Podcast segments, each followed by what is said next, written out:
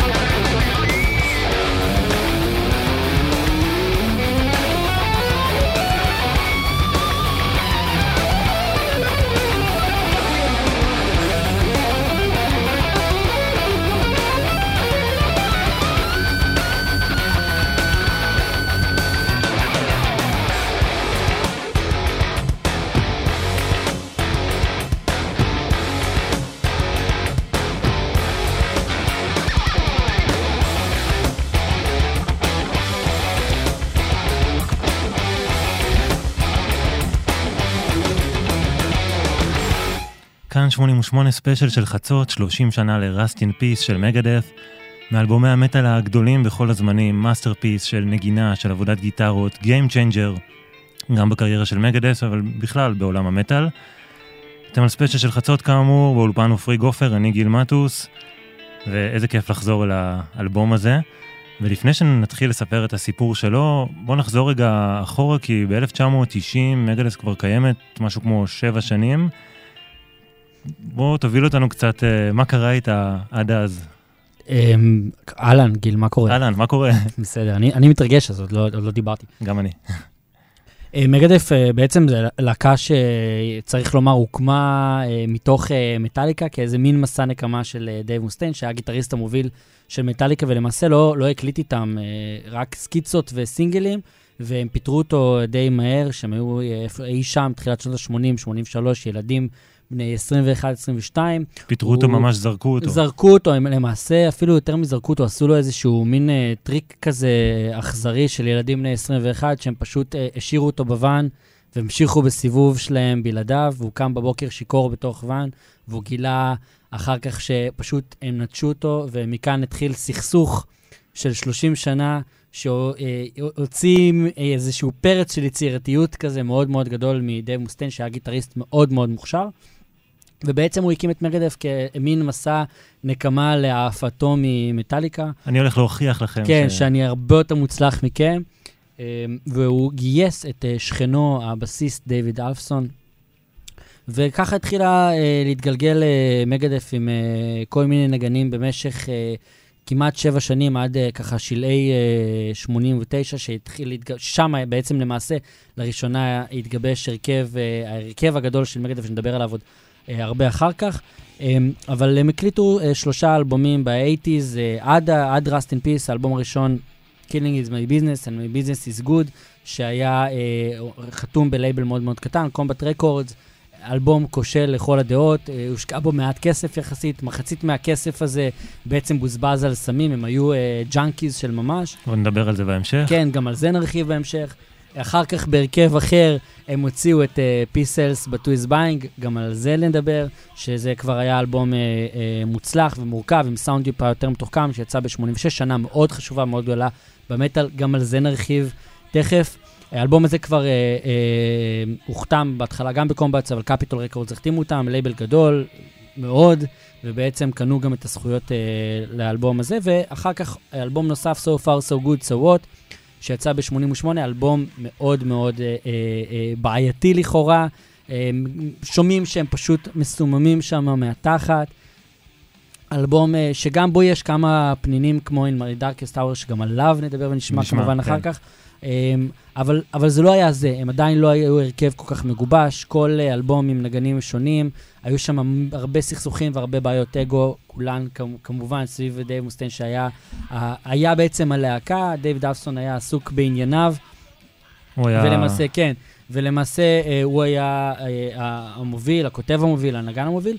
ואנחנו גם על זה כמובן שוב נרחיב בהמשך, אבל יש לומר שבגלל שאולי הוא היה הגיטריסט המוביל של מטאליקה, וגיטריסט מאוד מאוד מוכשר, כאן היה שורש הבעיה, שבעצם גיטריסט מוביל אה, מאוד מאוד מאוד אה, מוכשר, שם מסביבו נגנים שהצטיירו בעיניו, לפחות כנגנים פחות מוצלחים ממנו לאורך כל הזמן. אז עד הרגע הזה שהוא קצת שחרר או, או שם אנשים שהם בעצם בקליבר שלו לעניות דעתו, אז מגדף הייתה להקה, אה, להקת פרש מטאל לא כל כך מגובשת, עם אלבומים שהיו חלקם טובים, חלקם טובים פחות, אבל עם, עם ניצוצות לעתיד מזהיר, אבל לא מימשו את, ה, את ההצלחה. כן, ואנחנו שומעים עכשיו ברקע שיר של מטאליקה מהאלבום הראשון שלהם, את אה, The Four Horsemen מ Kill 'Em All.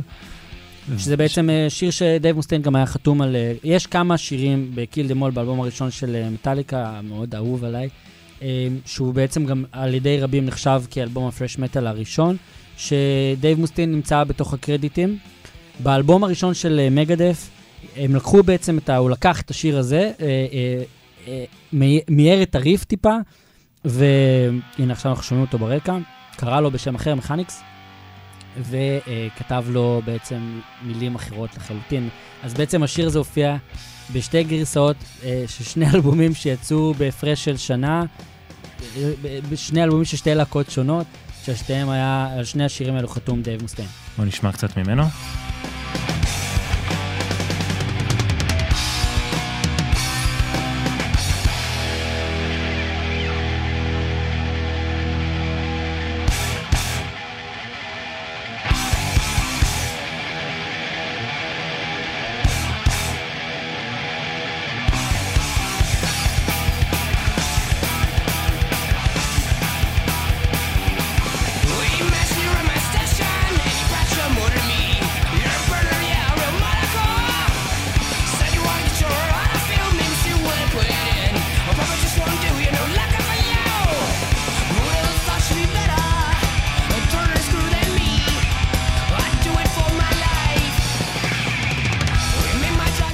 הזכרת שמגדף הביאו איתם השפעות של פאנק, ולא רק מוזיקלית, מה שאנחנו שומעים פה, כן, ה beat המהיר הזה, וגם אה, טקסטואלית, טקסטים שעוסקים במחאה חברתית, אה, אולי טקסטים לפעמים יותר פוליטיים, מה שפחות אה, מקובל בעולמות המטאל. ו... אם אפשר נגיד להשוות את זה ל Kill 'Em All של מטאליקה, שהוא אלבום שיש בו הרבה fun. והוא מבחינה טקסטואלית, השירים שם עוסקים בחוויה של מטאליקה כלהקה של חבר'ה צעירים שעוברים ממלון למלון, או בחוויית ה touring שלהם. אה, השפעה ישירה, אגב, של מוטורהד, אחת הלהקות המשפיעות ביותר על, אה, על הפאנק, על המטאל ועל על הרוק בכלל, ואולי פחות מוערכות אה, או פחות ידועות בקונצנזוס הרחב. ודייב מוסטיין הוא היה איש חכם יותר טיפה, ואולי גם זה היה הסיפור הזה שהוא תפס מעצמו כל הזמן. אז הוא כתב, הוא התעסק משלב מאוד מאוד מוקדם בנושאים שהם טיפה יותר uh, גדולים, יותר כבדים, וכן אפיינו נגיד את ההארדקור פאנק של, uh, של להקות כמו מיינור טרט, שהתעסקו בנושאים חברתיים בוערים. אז הנה דוגמה, השיר, השיר הנושא של האלבום השני, כולם מדברים על שלום. Peace Cells.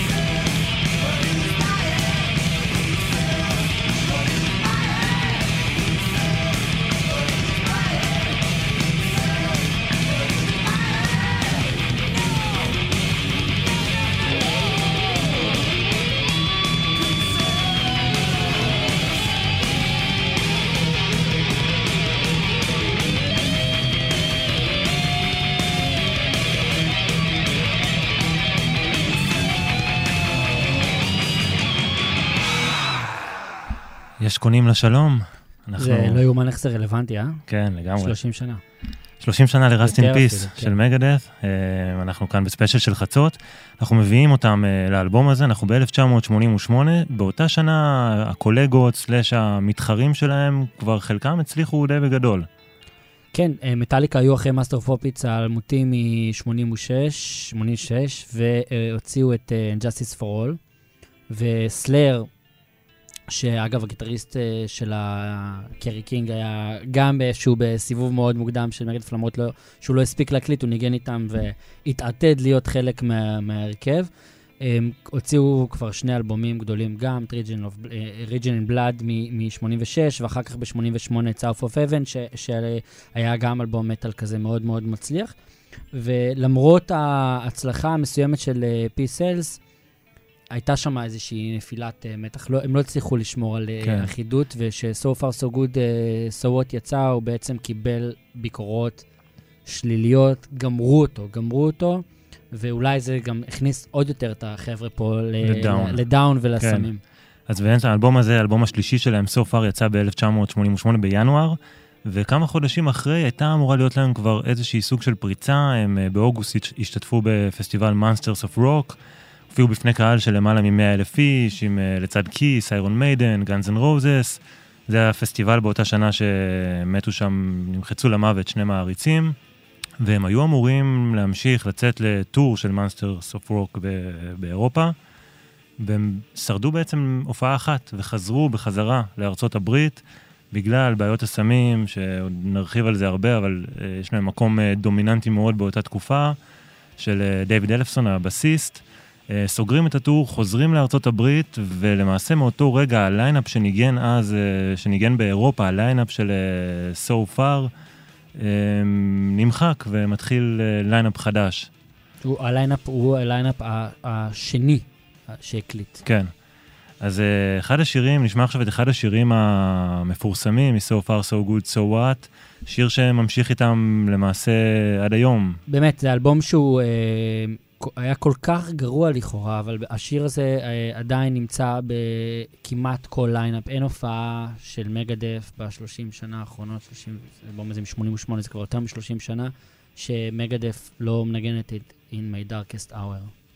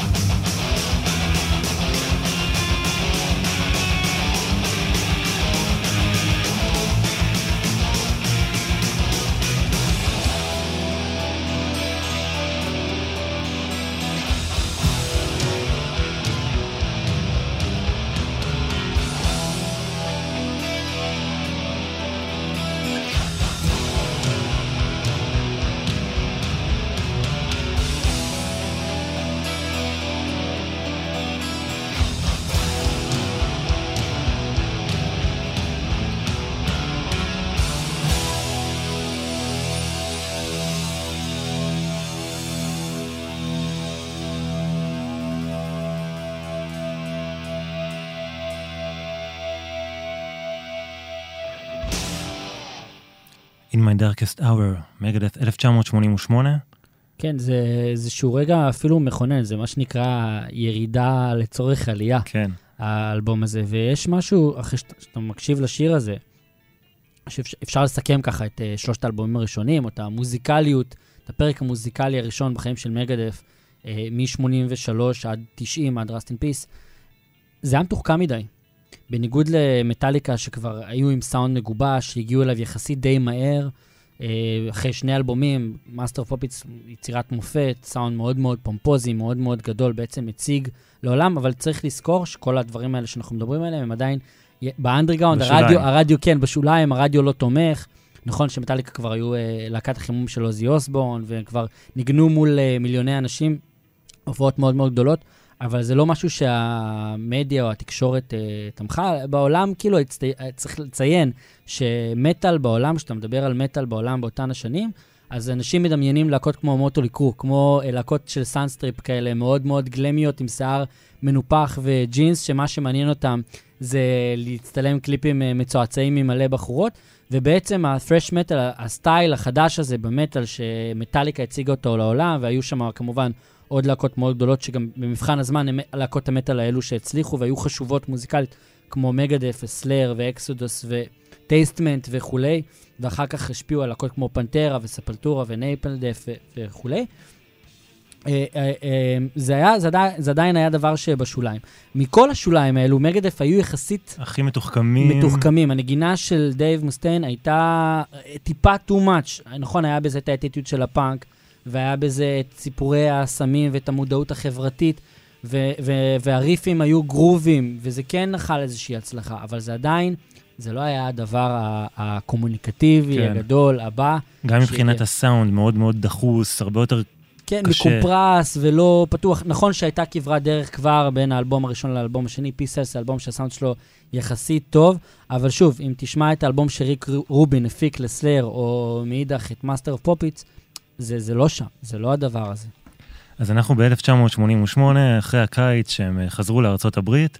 בעצם התקופה הזאת, אה, עד, אה, עד שהאלבום יוצא, עד ש Rust in Peace יוצא, תקופה ארוכה מאוד שהם מצד אחד כותבים את החומרים, את רוב החומרים של האלבום, אבל תקופה מאוד כאוטית לחברי הלהקה. הם פשוט junkies רציניים, ולא רק אה, הבסיסט, אה, גם דייב מוסטיין שם מתמודד עם uh, הרבה אלכוהול והרואין וקוקאין לארוחת בוקר. ישנים עד הצהריים, לא מגיעים לחזרות, לא מצליחים לתפקד uh, כלהקה. נכנסים ויוצאים מכל מיני טיפולים של גמילה, דוחים, לא מצליחים, מחליפים שיטות. וכמו שגם אמרנו מקודם, הם מאוד מר- מרוששים, אין בזה כסף. יש ציטוט אה, יפה של אה, דב מוסטיין שאומר, מטאליקה הרוויחו מיליונים, ואני קיבלתי 5,000 דולר פעם בכמה חודשים. אז זה המצב, הם, למרות שיש איזה דיבור סביבם, וסוג של הצלחה, והם מופיעים והכול, עדיין אה, הם המצב... גם שרפו את הכסף. כן, שרפו. את הכסף על העניינים. הם אה, מצרפים אליהם מנהל חדש באותם ימים, רון לפיט, שדי הציל אותם, הוא מחליט שהוא לוקח אותם תחת חסותו, חיבר אותם לאיזשהו מטפל אישי שיעזור להם עם, ה... עם הגמילה, מישהו שגם היה מנוסה ועבד עם עוד להקות, ככה מנסה כל מיני דרכים אלטרנטיביות, וזה מוביל אותנו על שיר נוסף מ-Rust in Peace, גם כמו In My Darkest Hour, גם שיר שככה עוסק בהתמודדות שלהם עם הסמים, שכל הזמן מש... צריך לזכור גם, החבר'ה האלה הם צעירים, כאילו, נכון. איפשהו באמצע שנות ה-20 לחייהם, והם כבר עמוק עמוק שם בבעיות שמאוד מאוד משפיעות על היצירה שלהם. זה כבר השיר השני או השלישי שבעצם מתעסק בבעיה הזאת בצורה ככה חשופה. לגמרי. Poison was the cure.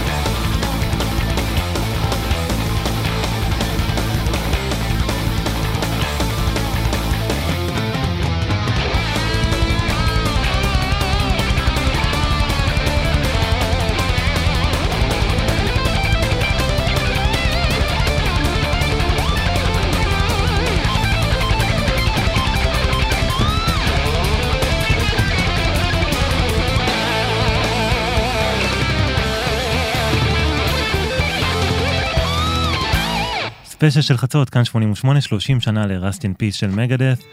הזכרנו מקודם שכשהם חזרו לארצות הברית ב-1988, אחרי ה tour באירופה, ה tour שנקטע, בעצם הליינאפ של הלהקה משתנה, וגם אמרת בהתחלה, עופרי, שהוא כל הזמן בתקופה הזאת משתנה. כן, קשה לעקוב, מלא שמות. אה, כן, ניגנו פשוט על ה... היה בסיס יציב.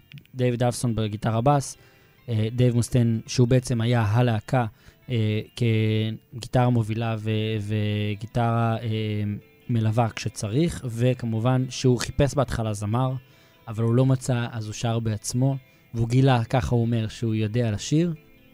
בעצם מה שקרה קצת לדייב, ל... אמ, לג'יימס הטפילד במטאליקה, ג'יימס הטפילד במטאליקה באלבום הראשון נשמע כמו זמר אחר, כן. וכל אלבום טיפה... התעדן. כן, התעדן, ובסוף קיבל איזשהו צבע של זמר כזה עם מלא פתוס אמריקאי. אה, ככה בעצם קרה גם למוסטיין, זאת אומרת, כל אלבום הוא טיפה טיפה השתנה בשירה שלו והשתפר, כי, כי הם היו קודם כל גיטריסטים, הם לא היו אה, זמרים.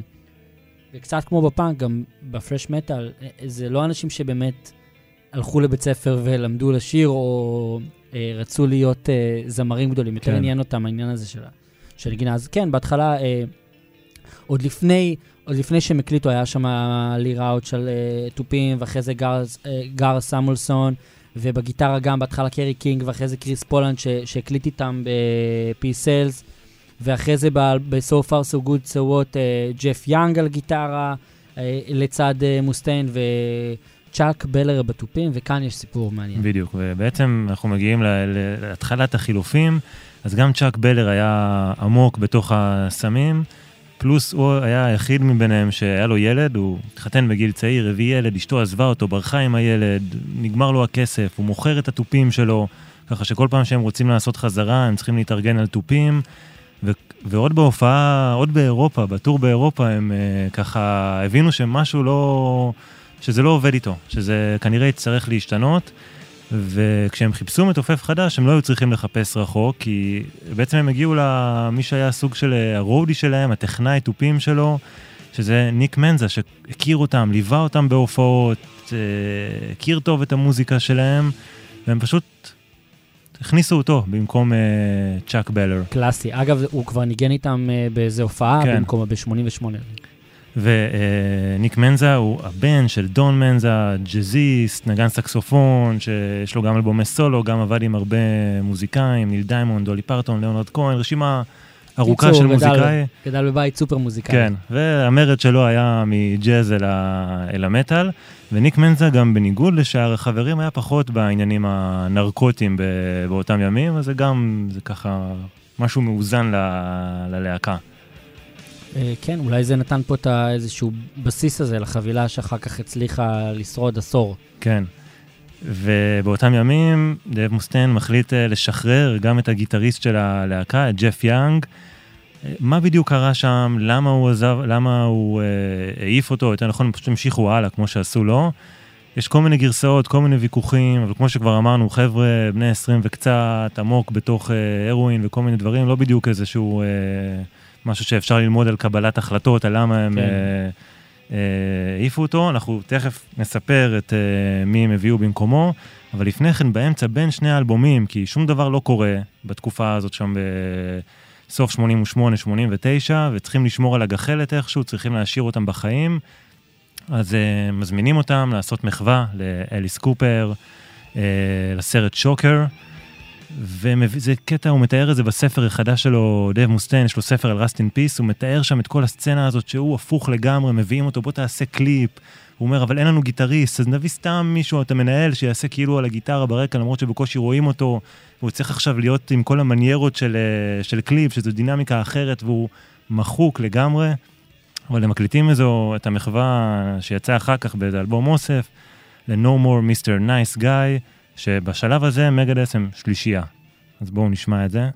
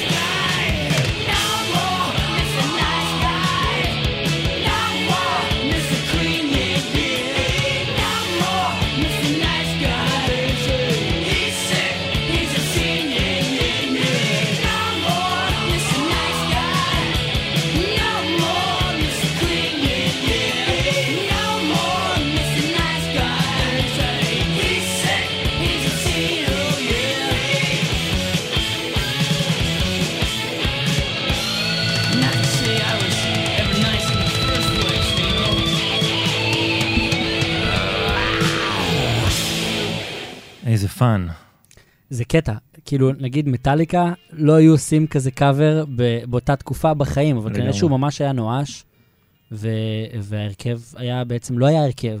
הוא היה כן. צריך לעשות קאבר. לא היו צריכים משהו שישאיר אותם בתודעה. זה בעצם הקאבר הזה הוא גם קצת כל מה שהם סלדו ממנו, זה קאבר שבקלות היה, היו יכולים- להיות אה, חתומים עליו איזושהי להקה כזאת אה, של hair metal, כן, סטייל מוטלי קרו או פויזון או whatever, כאילו זה ממש לא, לא, ממש לא הם, לא מגדת'. כן. אבל הם אהבו את אה, אליס קופר, ובכלל, בכלל דייב מוסטיין אהב הרבה דברים, והוא לא מתבייש. הוא לא מתבייש, כן, לאורך השנים הוא לא התבייש לספר על ההשפעות שלו, שהן לא היו בהכרח רק ההשפעות הקונבנציונליות של להקות מהסוג שלו.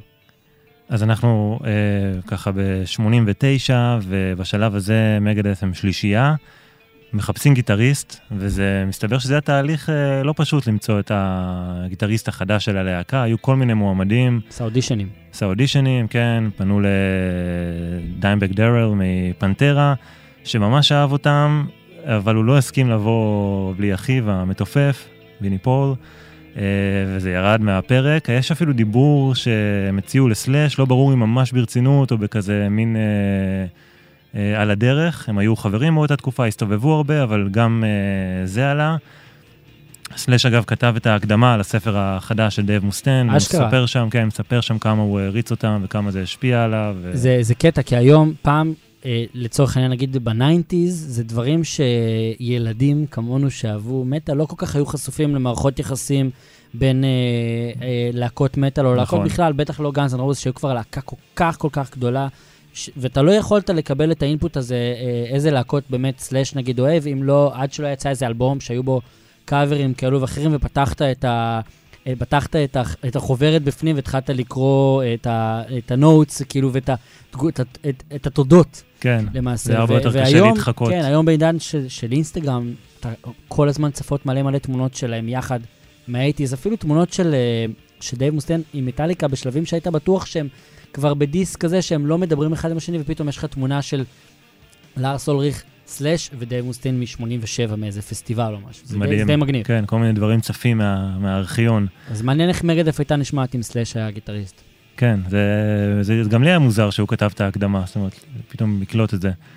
אז, אה, אז Megadeth מתחילים בעצם, מתחילים להקליט את הדמוים של Rust in Peace, כי הם חייבים כבר להיכנס לאולפן ויש שירים למרות הכל, אבל כשהם מתחילים להקליט את הדמוים עוד אין להם גיטריסט, ולמעשה הם לוקחים את הגיטריסט הראשון שלהם, את קריס פולנד, שמנגן בשני האלבומים הראשונים, הם לא צירפו אותו ללהקה, זה בכלל לא היה על הפרק, הם פשוט אמרו בוא תקליט סולואים, נשלם לך לפי שעה על הקלטות, ויש כמה מהדמוים האלה שרדו, ואפשר לשמוע אותו מנגן שם.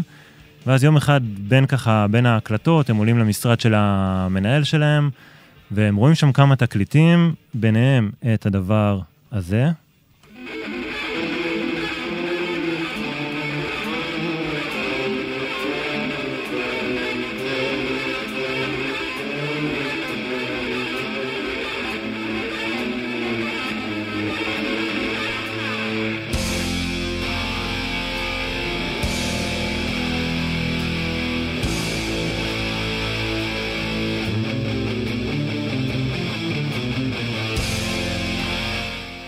איזה קקופוניה. כן, Cacophony זה הרכב של אה, ג'ייסון בקר ומרטי פרידמן, שאגב, אתם לא רואים, אבל הדיסק כרגע מונח על שולחננו. כן, עופרי פה כן. הביא את אה, אוסף המטאל שלו בנושא. הדיסק, הדיסק שלו, לא, אני באופן אישי לא האזנתי לו, לדעתי, יותר מ-20 שנה, יצא ככה היום מה- מהקיר לכבוד הספיישל. אז כשהם אה, נתקלים במרטי פרידמן, והם בהתחלה הם קצת מסתלבטים על הדבר הזה, הם מסתכלים על העטיפה, מסתכלים עליו, אומרים, מה זה הדוד הזה? זה מרטי פרידמן, זה שם של אה, בדרן יהודי, לא של גיטריסט מטאל. והלוק הזה עם הטלטלים, ויש בו גם איזה משהו גלמי כזה, שקצת הרתיע אותם בתור uh, להקת מטאל. אבל המנהל שלהם, רון, אומר להם שמרטי פרידמן בעניין של להגיע לאודישן uh, בשביל להצטרף אליהם. בגלל שלא היה להם אופציות אחרות, אז הם uh, די זרמו עם זה, וזה משהו מעניין שדייב מוסטיין מספר בספר החדש שלו, זה שהוא היה מצלם בווידאו את האודישנים. ולא רק שהוא היה מצלם, לא רק את הנגינה עצמה, גם את השיחות. ואחר כך הוא היה צופה בשיחות בהילוך מהיר בשביל לחפש כל מיני דפוסים מוזרים בטיפוסים שבאו לעשות. אודישנים, לחפש כל מיני שריטות של אולי לפסול על זה או על משהו אחר. ובשלב הזה כבר באמת לא הייתה להם ברירה, הם היו צריכים גיטריסט. לוקחים את uh, מרטי פרידמן לאודישן, צריך להגיד שבאותו שבוע היה אמור להיות לו כמה ימים אחרי אודישן כדי ללוות את מדונה. והוא אמר שהיה כל כך טוב עם מגדס, והוא רצה להיות איתם, שהוא... שווג לא עניין אותו, אז בדיוק זה יצא לא עניין. אותו, כן. וגם uh, כאן הוא מגיע לאודישן uh, כשהוא סוג של הומלס, למרות שיש לו אלבום, uh, שניים שני אפילו. אלבומים, uh, הוא חי עם היד לפה, הוא מספר שהתזונה שלו באותם ימים הייתה אורז וסוכריות.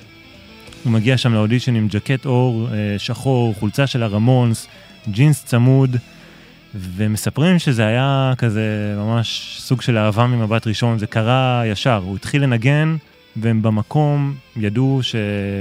שהוא הגיטריסט הבא שלהם. ואז הם מתקשרים למנהל, אומרים לו, תקשיב, זה, זה זה רק דבר אחד, מה זה השם משפחה הזה, מה זה פרידמן, זה לא cool. אולי, אה, אולי שישנה את השם משפחה. אומר להם, אין סיכוי, והם אה, קנו את זה, ומרטי פרידמן מגיע, והנה מתחיל ה lineup הקלאסי של Megadeth.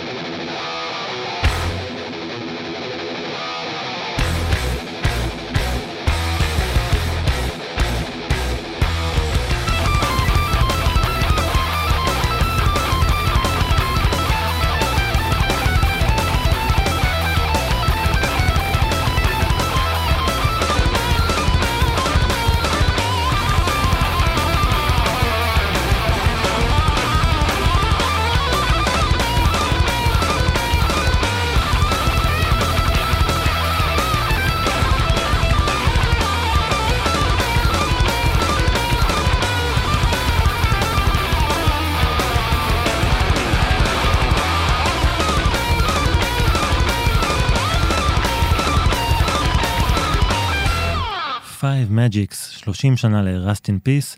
אז Megadeth הם עכשיו רביעייה, הרביעייה המפורסמת, דייב מוסטיין, דייוויד אלפסון, ניק מנזה ומרטי פרידמן.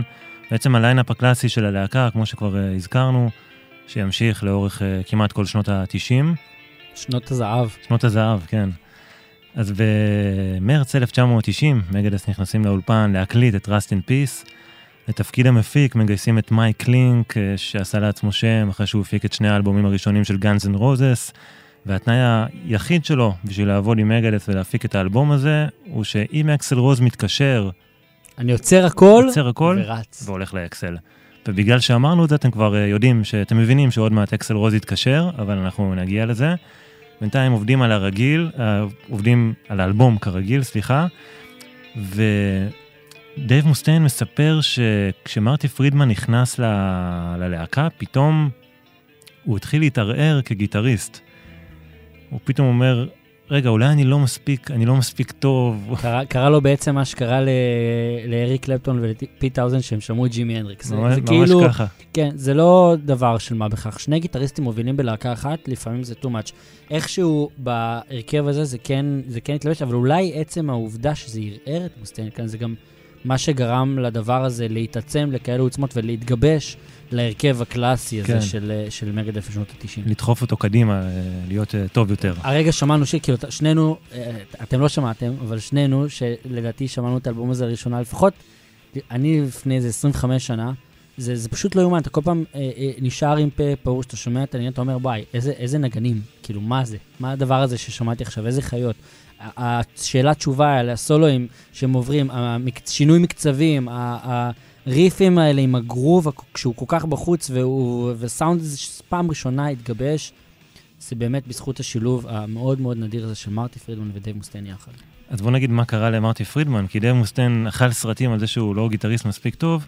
מרטי פרידמן הגיע להקלטות של Rust in Peace עם אה, בעיה אחרת מטרידה מאוד, הייתה לו בעיה קשה אה, בעצב ביד ימין. הוא מספר שזה היה כל כך חמור, שאם הוא היה לוחץ למישהו את היד, הוא היה מרגיש זרם חשמלי מטורף. הרופא אמר לו להפסיק לנגן, או שהוא יאבד את היכולת להשתמש uh, ביד, והוא יעשה לעצמו נזק בלתי הפיך. והוא הלך לרופאה נוספת, לחוות דעת נוספת, שאמרה לו שהרופא הראשון צדק, אבל היא הבינה שהוא לא מתכוון להפסיק לנגן. הוא היה שם כזה אה, מתלה ומקרר את היד עם קרח, ובמשך כמה זמן הוא ניסה להסתיר את זה מהלהקה, כי בכל זאת, אתה בדיוק הצטרפת ללהקה חדשה, ואתה, ואין לך כסף. ואתה מגיע אליהם ואומר, תקשיבו, יש לי בעיה ביד ימין כגיטריסט אה, מוביל. פחד שזה יהרוס הכל, עד שבסוף הוא חשף את זה, ו, אה, והכל היה בסדר. אז יש לנו מצד אחד גיטריסט עם אה, רגשי נחיתות פתאום, שמתחיל אה, להתערער, מצד שני גיטריסט עם בעיות בריאותיות אה, מטרידות, ועדיין, כמו שאמרנו, השילוב הזה הביא את אחד מאלבומי הגיטרות הכי טובים ש... אבל לא רק. שיצאו. אבל לא רק, גם, גם בס תופים פה נכון, זה, נכון. זה פנומנלי. זאת אומרת, זה פעם ראשונה, אפרופו סאונד, שאין את כל ה... אולי גם בגלל שהם הביאו, שוב, מפיק כל כך מנוסה, שהוציא מהם סאונד שהוא נכון, והוא גם היה נכון לאותו רגע. אה, להקות, גם להקות פרש מטאל ב-80's, עדיין היה להם איזשהו שביב כזה של over אפקטים על התופים, והכל היה מאוד מאוד אה, אה, גרנדיוזי ו glammy, גם בלהקות ש- שבסוף ה source שלהם הייתה השפעה של אה, פאנק ולא השפעה של, אה, לא יודע מה, דיפ פרפל לצורך העניין. וזה היה פחות, אה, פחות אה, אה, אה, ניכר ב-80's, ופה פתאום כאילו הכל בפרצוף, הכל נקי. לגמרי. התופים בלי אפקטים, הגיטרה בס בחוץ, וכמובן כל הסיפור הזה של הגיטרות שדיברנו עליו עכשיו. אז השיר הבא שנשמע הוא מפגן כזה של אה, גיטרות, ורצף האקורדים שלו מבוסס על מה שאנחנו שומעים ברקע פה בזמן שאנחנו מדברים לאורך אה, כל התוכנית, מתוך Ride the Lightning של מטאליקה. זה Call of Ktulu, הקטע האינסטרומנטלי שסוגר את האלבום השני של מטאליקה, שזה בעצם הקטע האחרון של מטאליקה, שדייב מוסטיין עוד אה, חתום בקרדיט בתוך האלבום. אה, הוא, טוען שהוא גם כתב אה, חלקים מ Master of Puppets, אבל שם הוא לא קיבל שום קרדיט. ב Ride the Lightning הוא כן קיבל קרדיט אה, בקטע הזה. אגב, אה, מיותר לציין שמטאליקה בשלושת בשלושת האלבומים הבאים אחרי, אה, אחרי Kill 'Em All, אחרי האלבום הראשון, היה קטע אינסטרומנטלי, שהוא היה כזה השיר השמיני באלבום. כן.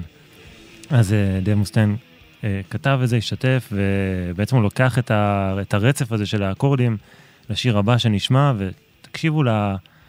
למרתון סולואים הזה, לדו-שיח שלהם כשני גיטריסטים מובילים, דב מוסטן ומרטי פרידמן, וזה כמובן Hunger 18.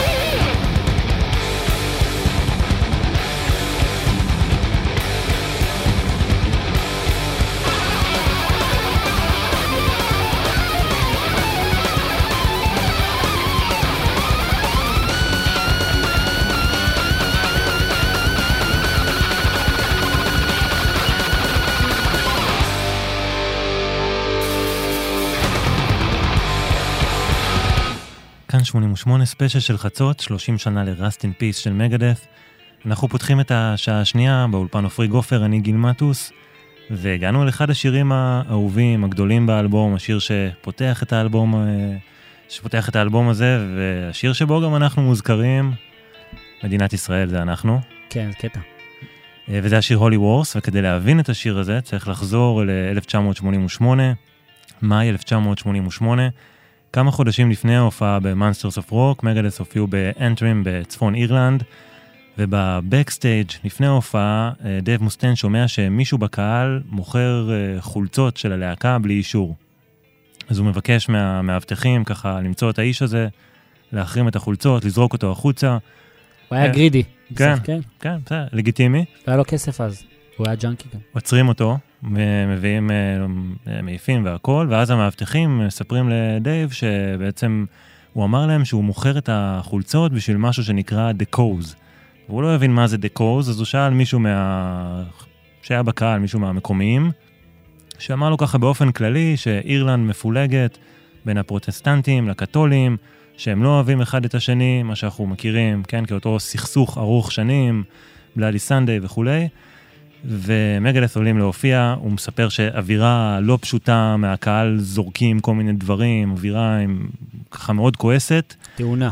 ואז אה, דייב לוקח את המיקרופון ואומר לקהל, אה, תחזירו את אה, אירלנד לאירים, זה בשביל ה-Cause, והוא לא הבין בעצם עד הסוף ש-The Cause זה, זה בעצם הכינוי של אותם אירים שנלחמו עבור העצמאות של אירלנד מבריטניה, ומגדס מתחילים לנגן את השיר הזה.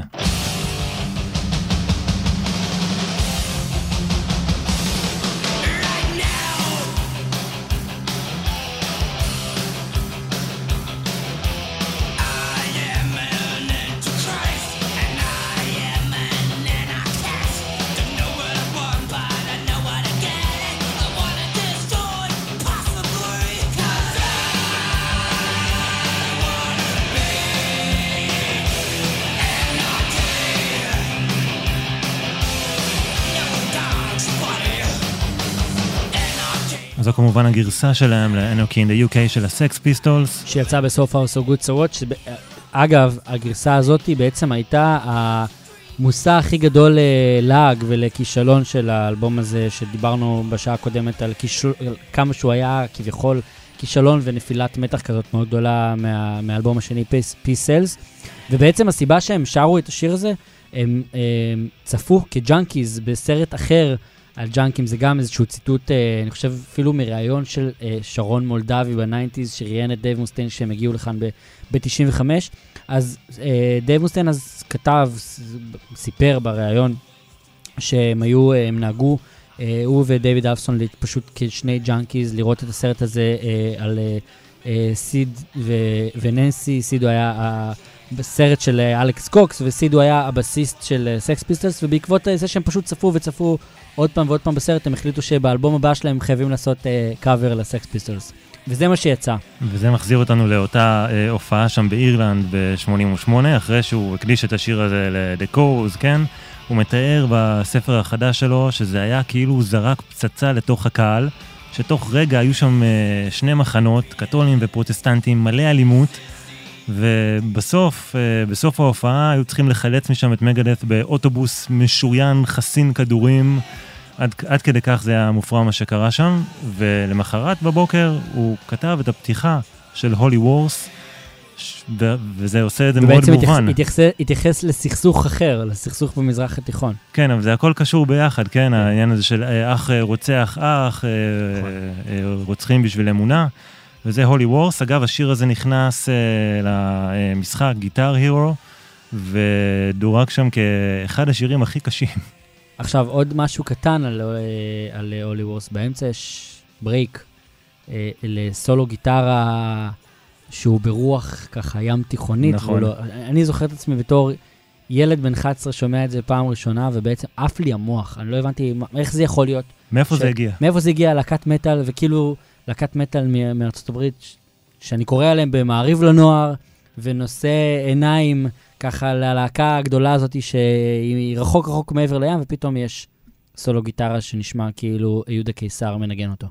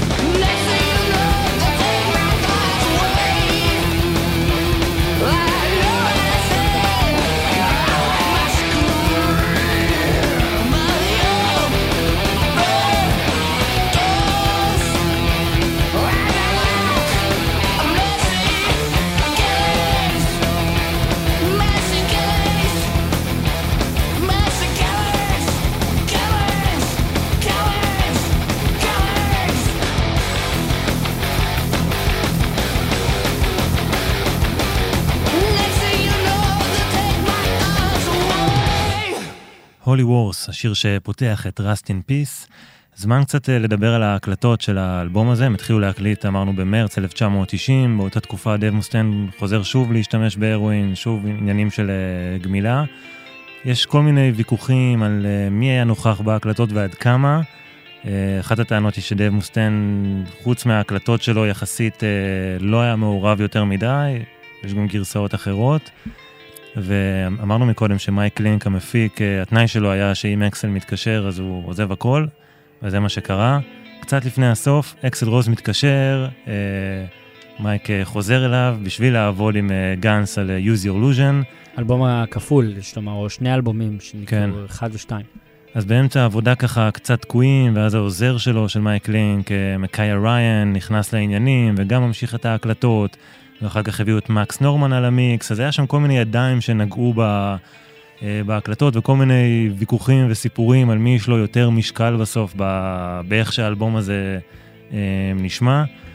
בכלל, הרבה למרות כאוס. שבקרדיט מייק קלינק הוא, הוא המפיק, ויחד עם דייב מוסטיין, ו- וגם הטענה הזאת שדייב מוסטיין לא היה שם נוכח בגלל ההתמכרות שלו, היא, היא, גם אם היא נכונה, היא קצת משונה, כי בסוף היצירה הזאת נשמעת מאוד שלמה, אולי השלמה ביותר של מגדת' עד אז.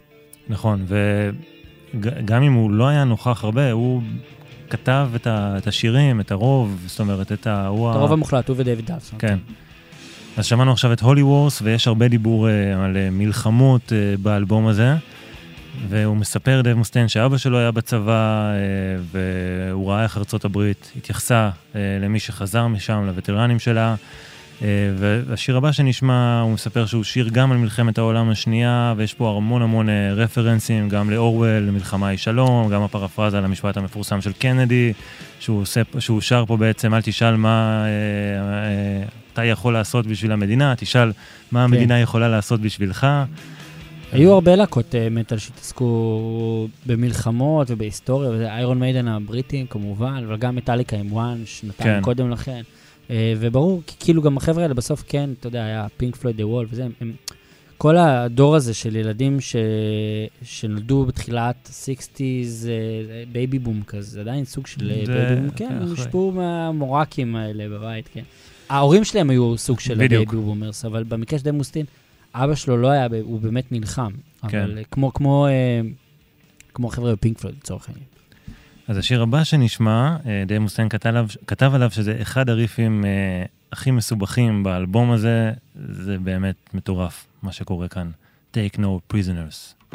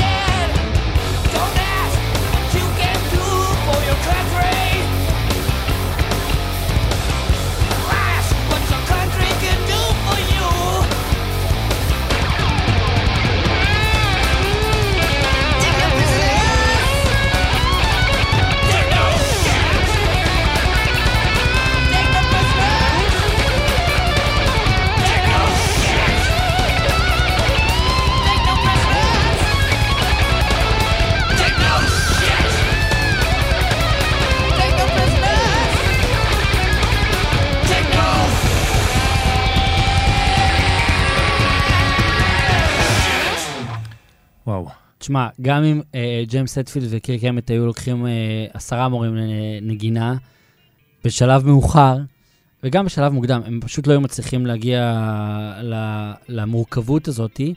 ולמרות המורכבות הזאת, מעל הכל, יש פה שיר שהוא, המלודיה שלו לגמרי זכירה וקליטה. זאת אומרת, הוא הצליח באיזשהו אופן מאוד מאוד מאוד אה, מורכב אך פשוט לייצר משהו שהוא סופר מלודי, ולכן גם האלבום הזה באופן יחסי לאלבומים הקודמים הצליח יותר, ועדיין לשמר את, ה, את הרוח הפרוגרסיבית מחד ואת הרוח הפנקיסטית מאידך, יחד ולייצר פה איזשהו, איזושהי חוויית האזנה שהיא...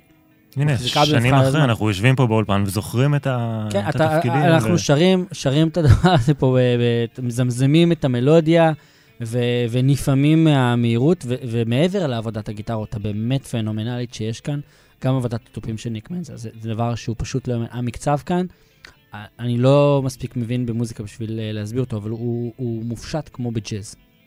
שזה מחזיר לה- להשפעות שהוא ספג בבית. כן, זה מאוד מאוד מורכב, מאוד מורכב מה שהם, מה שהם עושים כאן. אז אנחנו ממשיכים בדיבורים על אה, מלחמה, כי את הרעיון לשם של האלבום דייב מוסטיין קיבל כשהוא ראה אה, איזה סטיקר על רכב בקליפורניה, ועל הסטיקר היה כתוב May all your nuclear weapons rust in peace, שכל כלי הנשק הגרעיניים שלכם יחלידו על משכבם בשלום, זה המשחק מילים הזה בין אה, כן. rest in peace ל-rust in peace. וכשהוא ראה את הסטיקר הזה, הוא סיפר שהוא ידע שזה הולך להיות השם של האלבום הבא של מגדף. גם העטיפה מדברת את השפה. איקונית. לגמרי. אנחנו רואים פה uh, כמה ממנהיגי העולם, כן, בוש דאז. וגורבצ'וב, דאז, נכון? Uh, יושבים, uh, צופים בגופה של uh, חייזר, ונזכיר שאנחנו בסוף שנות ה-80, תחילת שנות ה-90, המלחמה הקרה ברקע, המתיחות uh, בין כן, זה ממש הגושים. הסוף, זה ממש הקצה. כן, ככה על הסף... אה, וכן, והמחשבות האפוקליפטיות האלה ככה אה, מאוד בתוך האלבום, וזה בעצם שיר הנושא שגם כאן הכל נמצא, כן, פולאריס, הנשק הגרעיני שהוא אה, מזכיר כאן אה, בשיר הזה, ומסתבר שאת שיר הנושא, את Rust in Peace, אה, דייב מוסטיין סיפר שזה אחד השירים הכי ותיקים באלבום, במובן הזה שהוא כתב אותו עוד לפני שהוא היה במטאליקה, את ההתחלה לפחות, שהוא היה איזה ילד בן 19, משהו כזה. לא יאומן.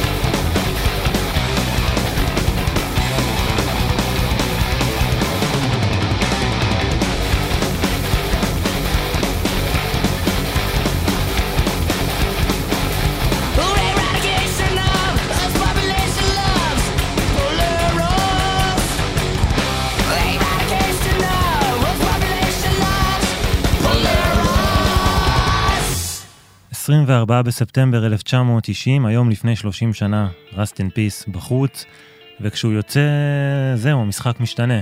מגדף על המפה, אה, הוא הופך לאלבום זהב, בהמשך אה, לפלטינה, מועמד לגרמי בקטגוריית אלבום המטאל, הם הופכים לסטארים, מקבלים, אה, מתחילים לקבל סוף סוף חיבוק, הכבוד מגיע. כן, שבע שנים.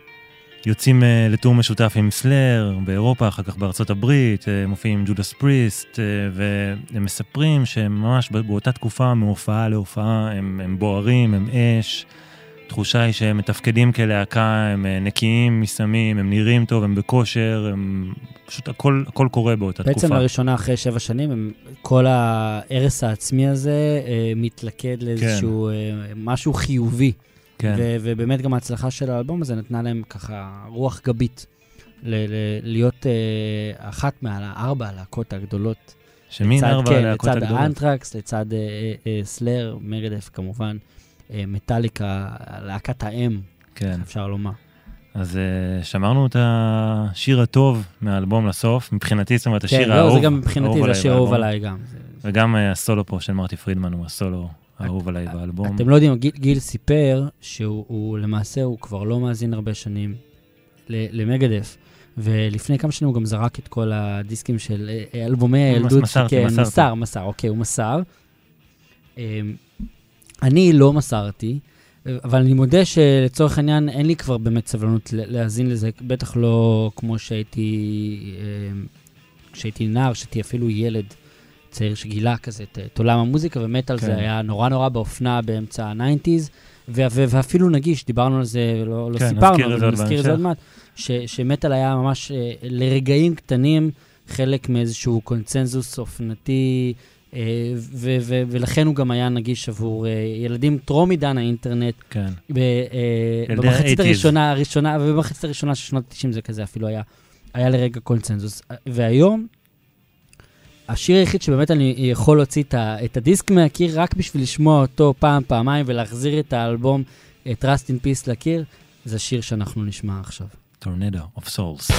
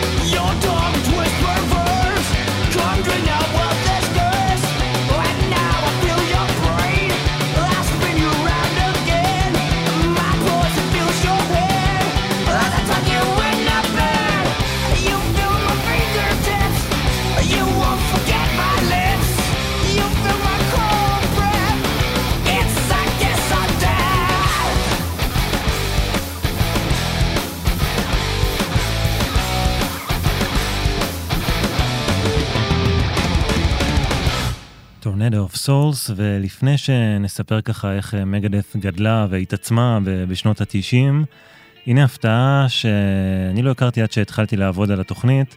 קצת אחרי Rust in Peace ב-1991, הם כותבים פסקול, אה, שיר לפסקול של סרט שנקרא Bill and Ted's Bogus Journey. זה, מצחיק שאתה אומר את זה. אה, אני לא קראתי את הספר, אבל אני כן זוכר היטב את הכתבות שנכתבו על אה, מגדת', ב- באמת בהופעה הראשונה ש, שהם הגיעו לארץ ב-95, לסינרמה, או אפילו, אני חושב אולי אפילו יום אחרי יום, אני לא זוכר. ובאחת מהכתבות בראש אחד, ומעריב לנוער, אז הם עשו שם מין ליסט של כל מיני ליסטים שקשורים למגדף. אחד מהליסטים היו שירים שמגדף אה, הוציאו בפסקולים, וזה היה השיר השני. היה עוד אחד אחר כך, ב, לא יודע אם אתה זוכר את הסרט הזה, עם ארלון שוורצנגר, אה, אחרון גיבורי הפעולה, גם יצא כזה גם שם הם... ב-93. אה, וגם שם היה איזשהו שיר. אני זוכר שזה נורא הרשים אותי שהם עושים כזה מוזיקה לסרטים. אז השם המקורי של הסרט הזה ב-91 היה אמור להיות uh, ביל וטד הולכים לגיהנום, והם כתבו את שיר הנושא Go to Hell, ותקשיבו עכשיו טוב למילים בהתחלה, רק נאמר שזה יצא כמה ימים, משהו כמו אולי עשרה ימים לפני האלבום השחור של מטאליקה.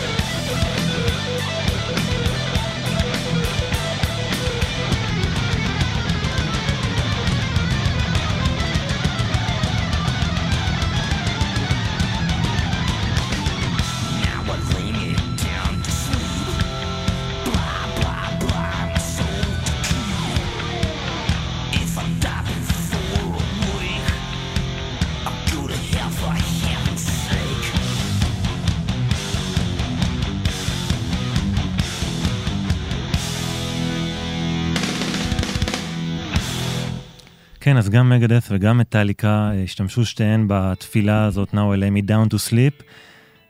בצירוף מקרים אה, מוזר, ממש באותו זמן, אולי אין- זה, אין לתאר. כן, מראה כמה הגורל של הלהקות האלה קשור ביחד. ואולי אחד ההישגים הגדולים של מגדס ו-Rust in Peace זה שסוף סוף הם הוציאו אלבום שהם יכולים לבוא למטאליקה ולהגיד, עשינו את זה טוב יותר. זה כמו סארג'נט פפר ופט סאונדס. כן. בערך. ובואו בוא רגע נסגור את ה... אבל אפרופו זה. יש פה עוד עניין, ש- כן. שלא דיברנו עליו. אה, מטאליקה עבדו על השחור גם עם מפיק אחר.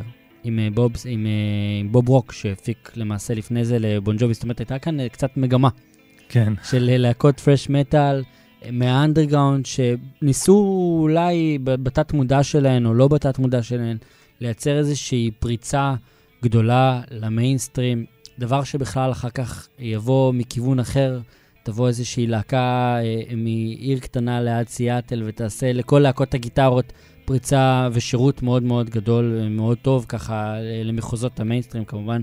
מדובר בנירוונה שהוציאה כן. שנה אחר כך את Nevermind, אבל, אבל זה כבר היה איזשהו משהו שהוא היה מודע להקות כאלה שמנגנות מוזיקה שהיא לא באמת קומוניקטיבית והיא לא אה, מחובקת על ידי המדיה ו- ותקשורת המיינסטרים ורוצות להצליח בגדול. וקצת אחר כך זה באמת התפוצץ, אה, מטאליקה מכאן, כמו שאמרנו, האלבום השחור, זה כבר אה, הלך והתמסחר, ודב מוסטיין כותב בספר החדש שלו שכל מה שמטאליקה עשו באותו, מאותו השלב היה בשביל הכסף. אה, אני זה, כן, אמירה קשה. נוטה להסכים. אז אם נסגור רגע את הסיפור שלהם עם אה, מטאליקה, כי התחלנו את התוכנית בזה שהוא נזרק משם, הסיפור, אגב, לא, כן, הוא לא... הוא לא כזה הוא דרמטי, הוא לא, כמו ש... הוא לכאורה מאוד דרמטי, ו- וכל השנים ב- היו שם המון אה, ביפים ודיסים ולכלוכים וציטוטים לא כל כך אה, סימפטיים בתקשורת, בעיקר בין לארס אולריך וג'יימס הטפילד לבין, לבין דייב מוסטיין. כמובן ששאר חברי מטאליקה שהצטרפו מאוחר יותר, לא היה להם איתו איזשהו עניין כזה או אחר. אה, ובכל הזדמנות הם אה, לכלכו. יש ציטוטים שדייב מוסטיין אה, צוחק על הסאונד אה, אה, תופים והסאונד גיטרה בס ב-And Justice for All, האלבום הרביעי של מטאליקה, וציטוטים שלו יותר מאוחר באמצע שנות ה-90, צוחק על אה, לארס אולריך שהוא בכלל שומע עכשיו את אואזיס ופרינס ולא מעניין אותו יותר מטאל ככה בתקופה של Load ו-Reload, האלבומים שהם בכלל הארד רוק, הם לא אלבומי מטאל של מטאליקה, אפרופו כסף.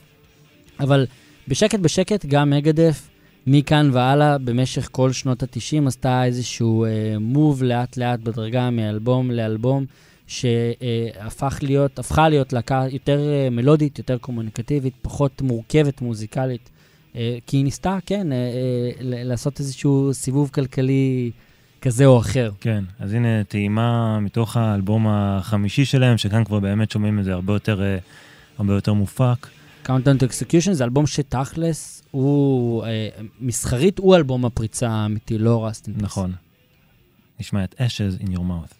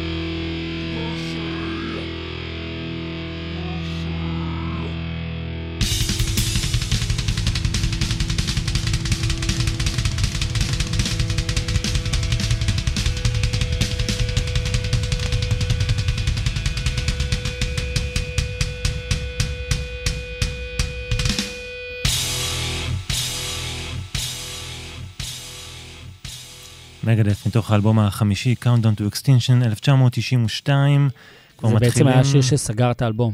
כן, כבר נכנסים אל ה... בעצם, כמו שאמרנו מקודם, התקופה היותר אה, אה, מצליחה, נגישה שלהם. באלבום הבא, ביותנזיה ב-94, זה כבר, אפשר לומר, היה השיא של, אה, של אה, שיא מגדף. המסחור. כן, שיא המסחור. וגם פה בארץ, אה, התחלנו לדבר על זה קודם, זה היה מאוד, אה, זה היה נגיש מאוד, כל העניין הזה. זה היה סוג של מיינסטרים. ב... כי- כאילו היה איזשהו, אה, היה איזשהו הייפ, כמובן היה מועדון רוקסן שהיו בו ערבים של אה, מוות לטכנו, אה, ערבים שנוגן בהם בעיקר כזה מיינסטרים של גראנג', קצת פאנק, כל מיני להקות כמו באמת מגדף, אני חושב שלירון תאני היה די-ג'יי בערבים האלו. זה היה איזשהו דיבור תל אביבי, ש, שדרך מגזיני אה, נוער כזה זלג למחוזות אחרים.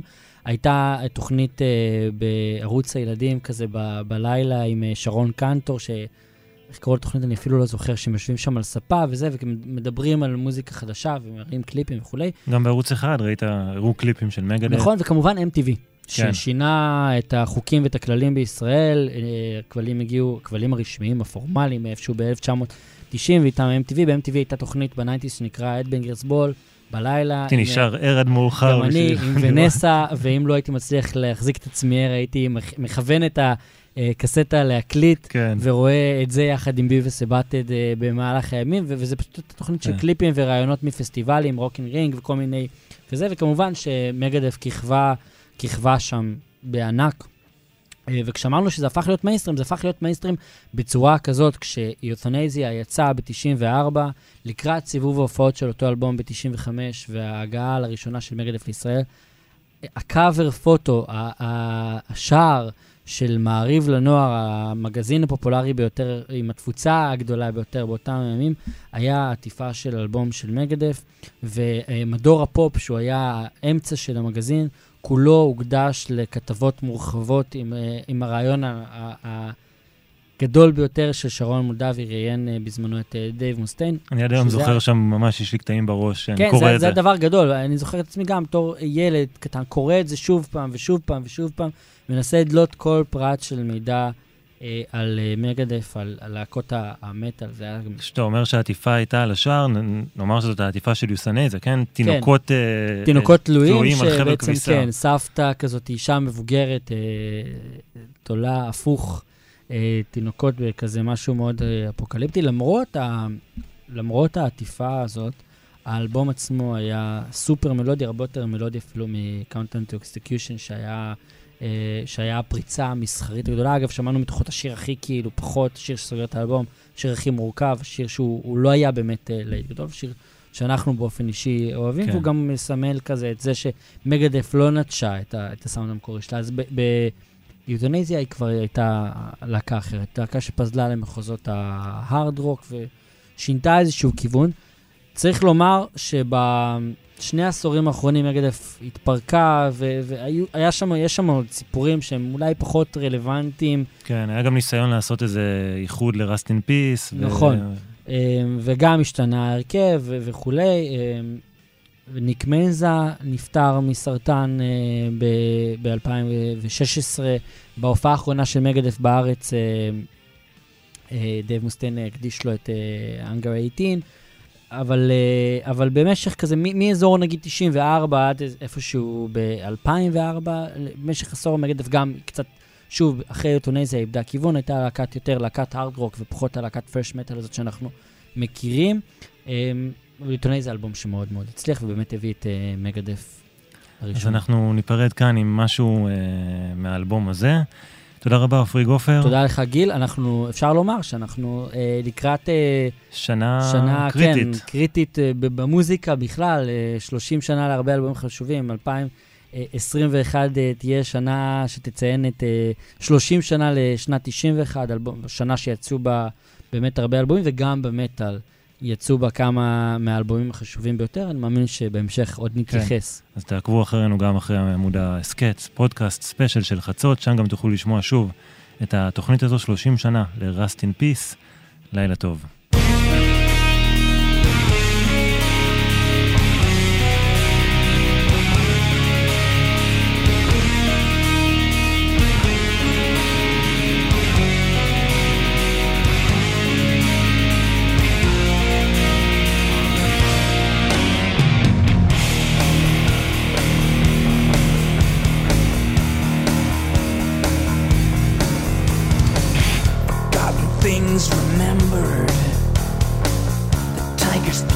Their young. The body stayed, but inside the head, the mind was on the run. Conspiracy of silence. The only way out of pain is turn around, run through it, man. Too wet, too coming from the rain. Tell them I know they would do it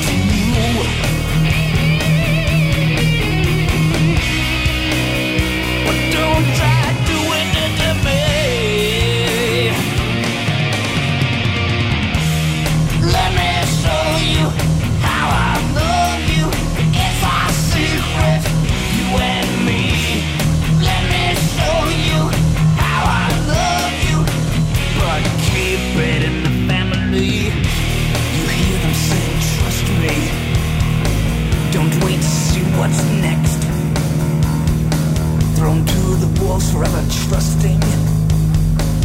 raised in a form of living hell. Sing one note song, rage. Live and die your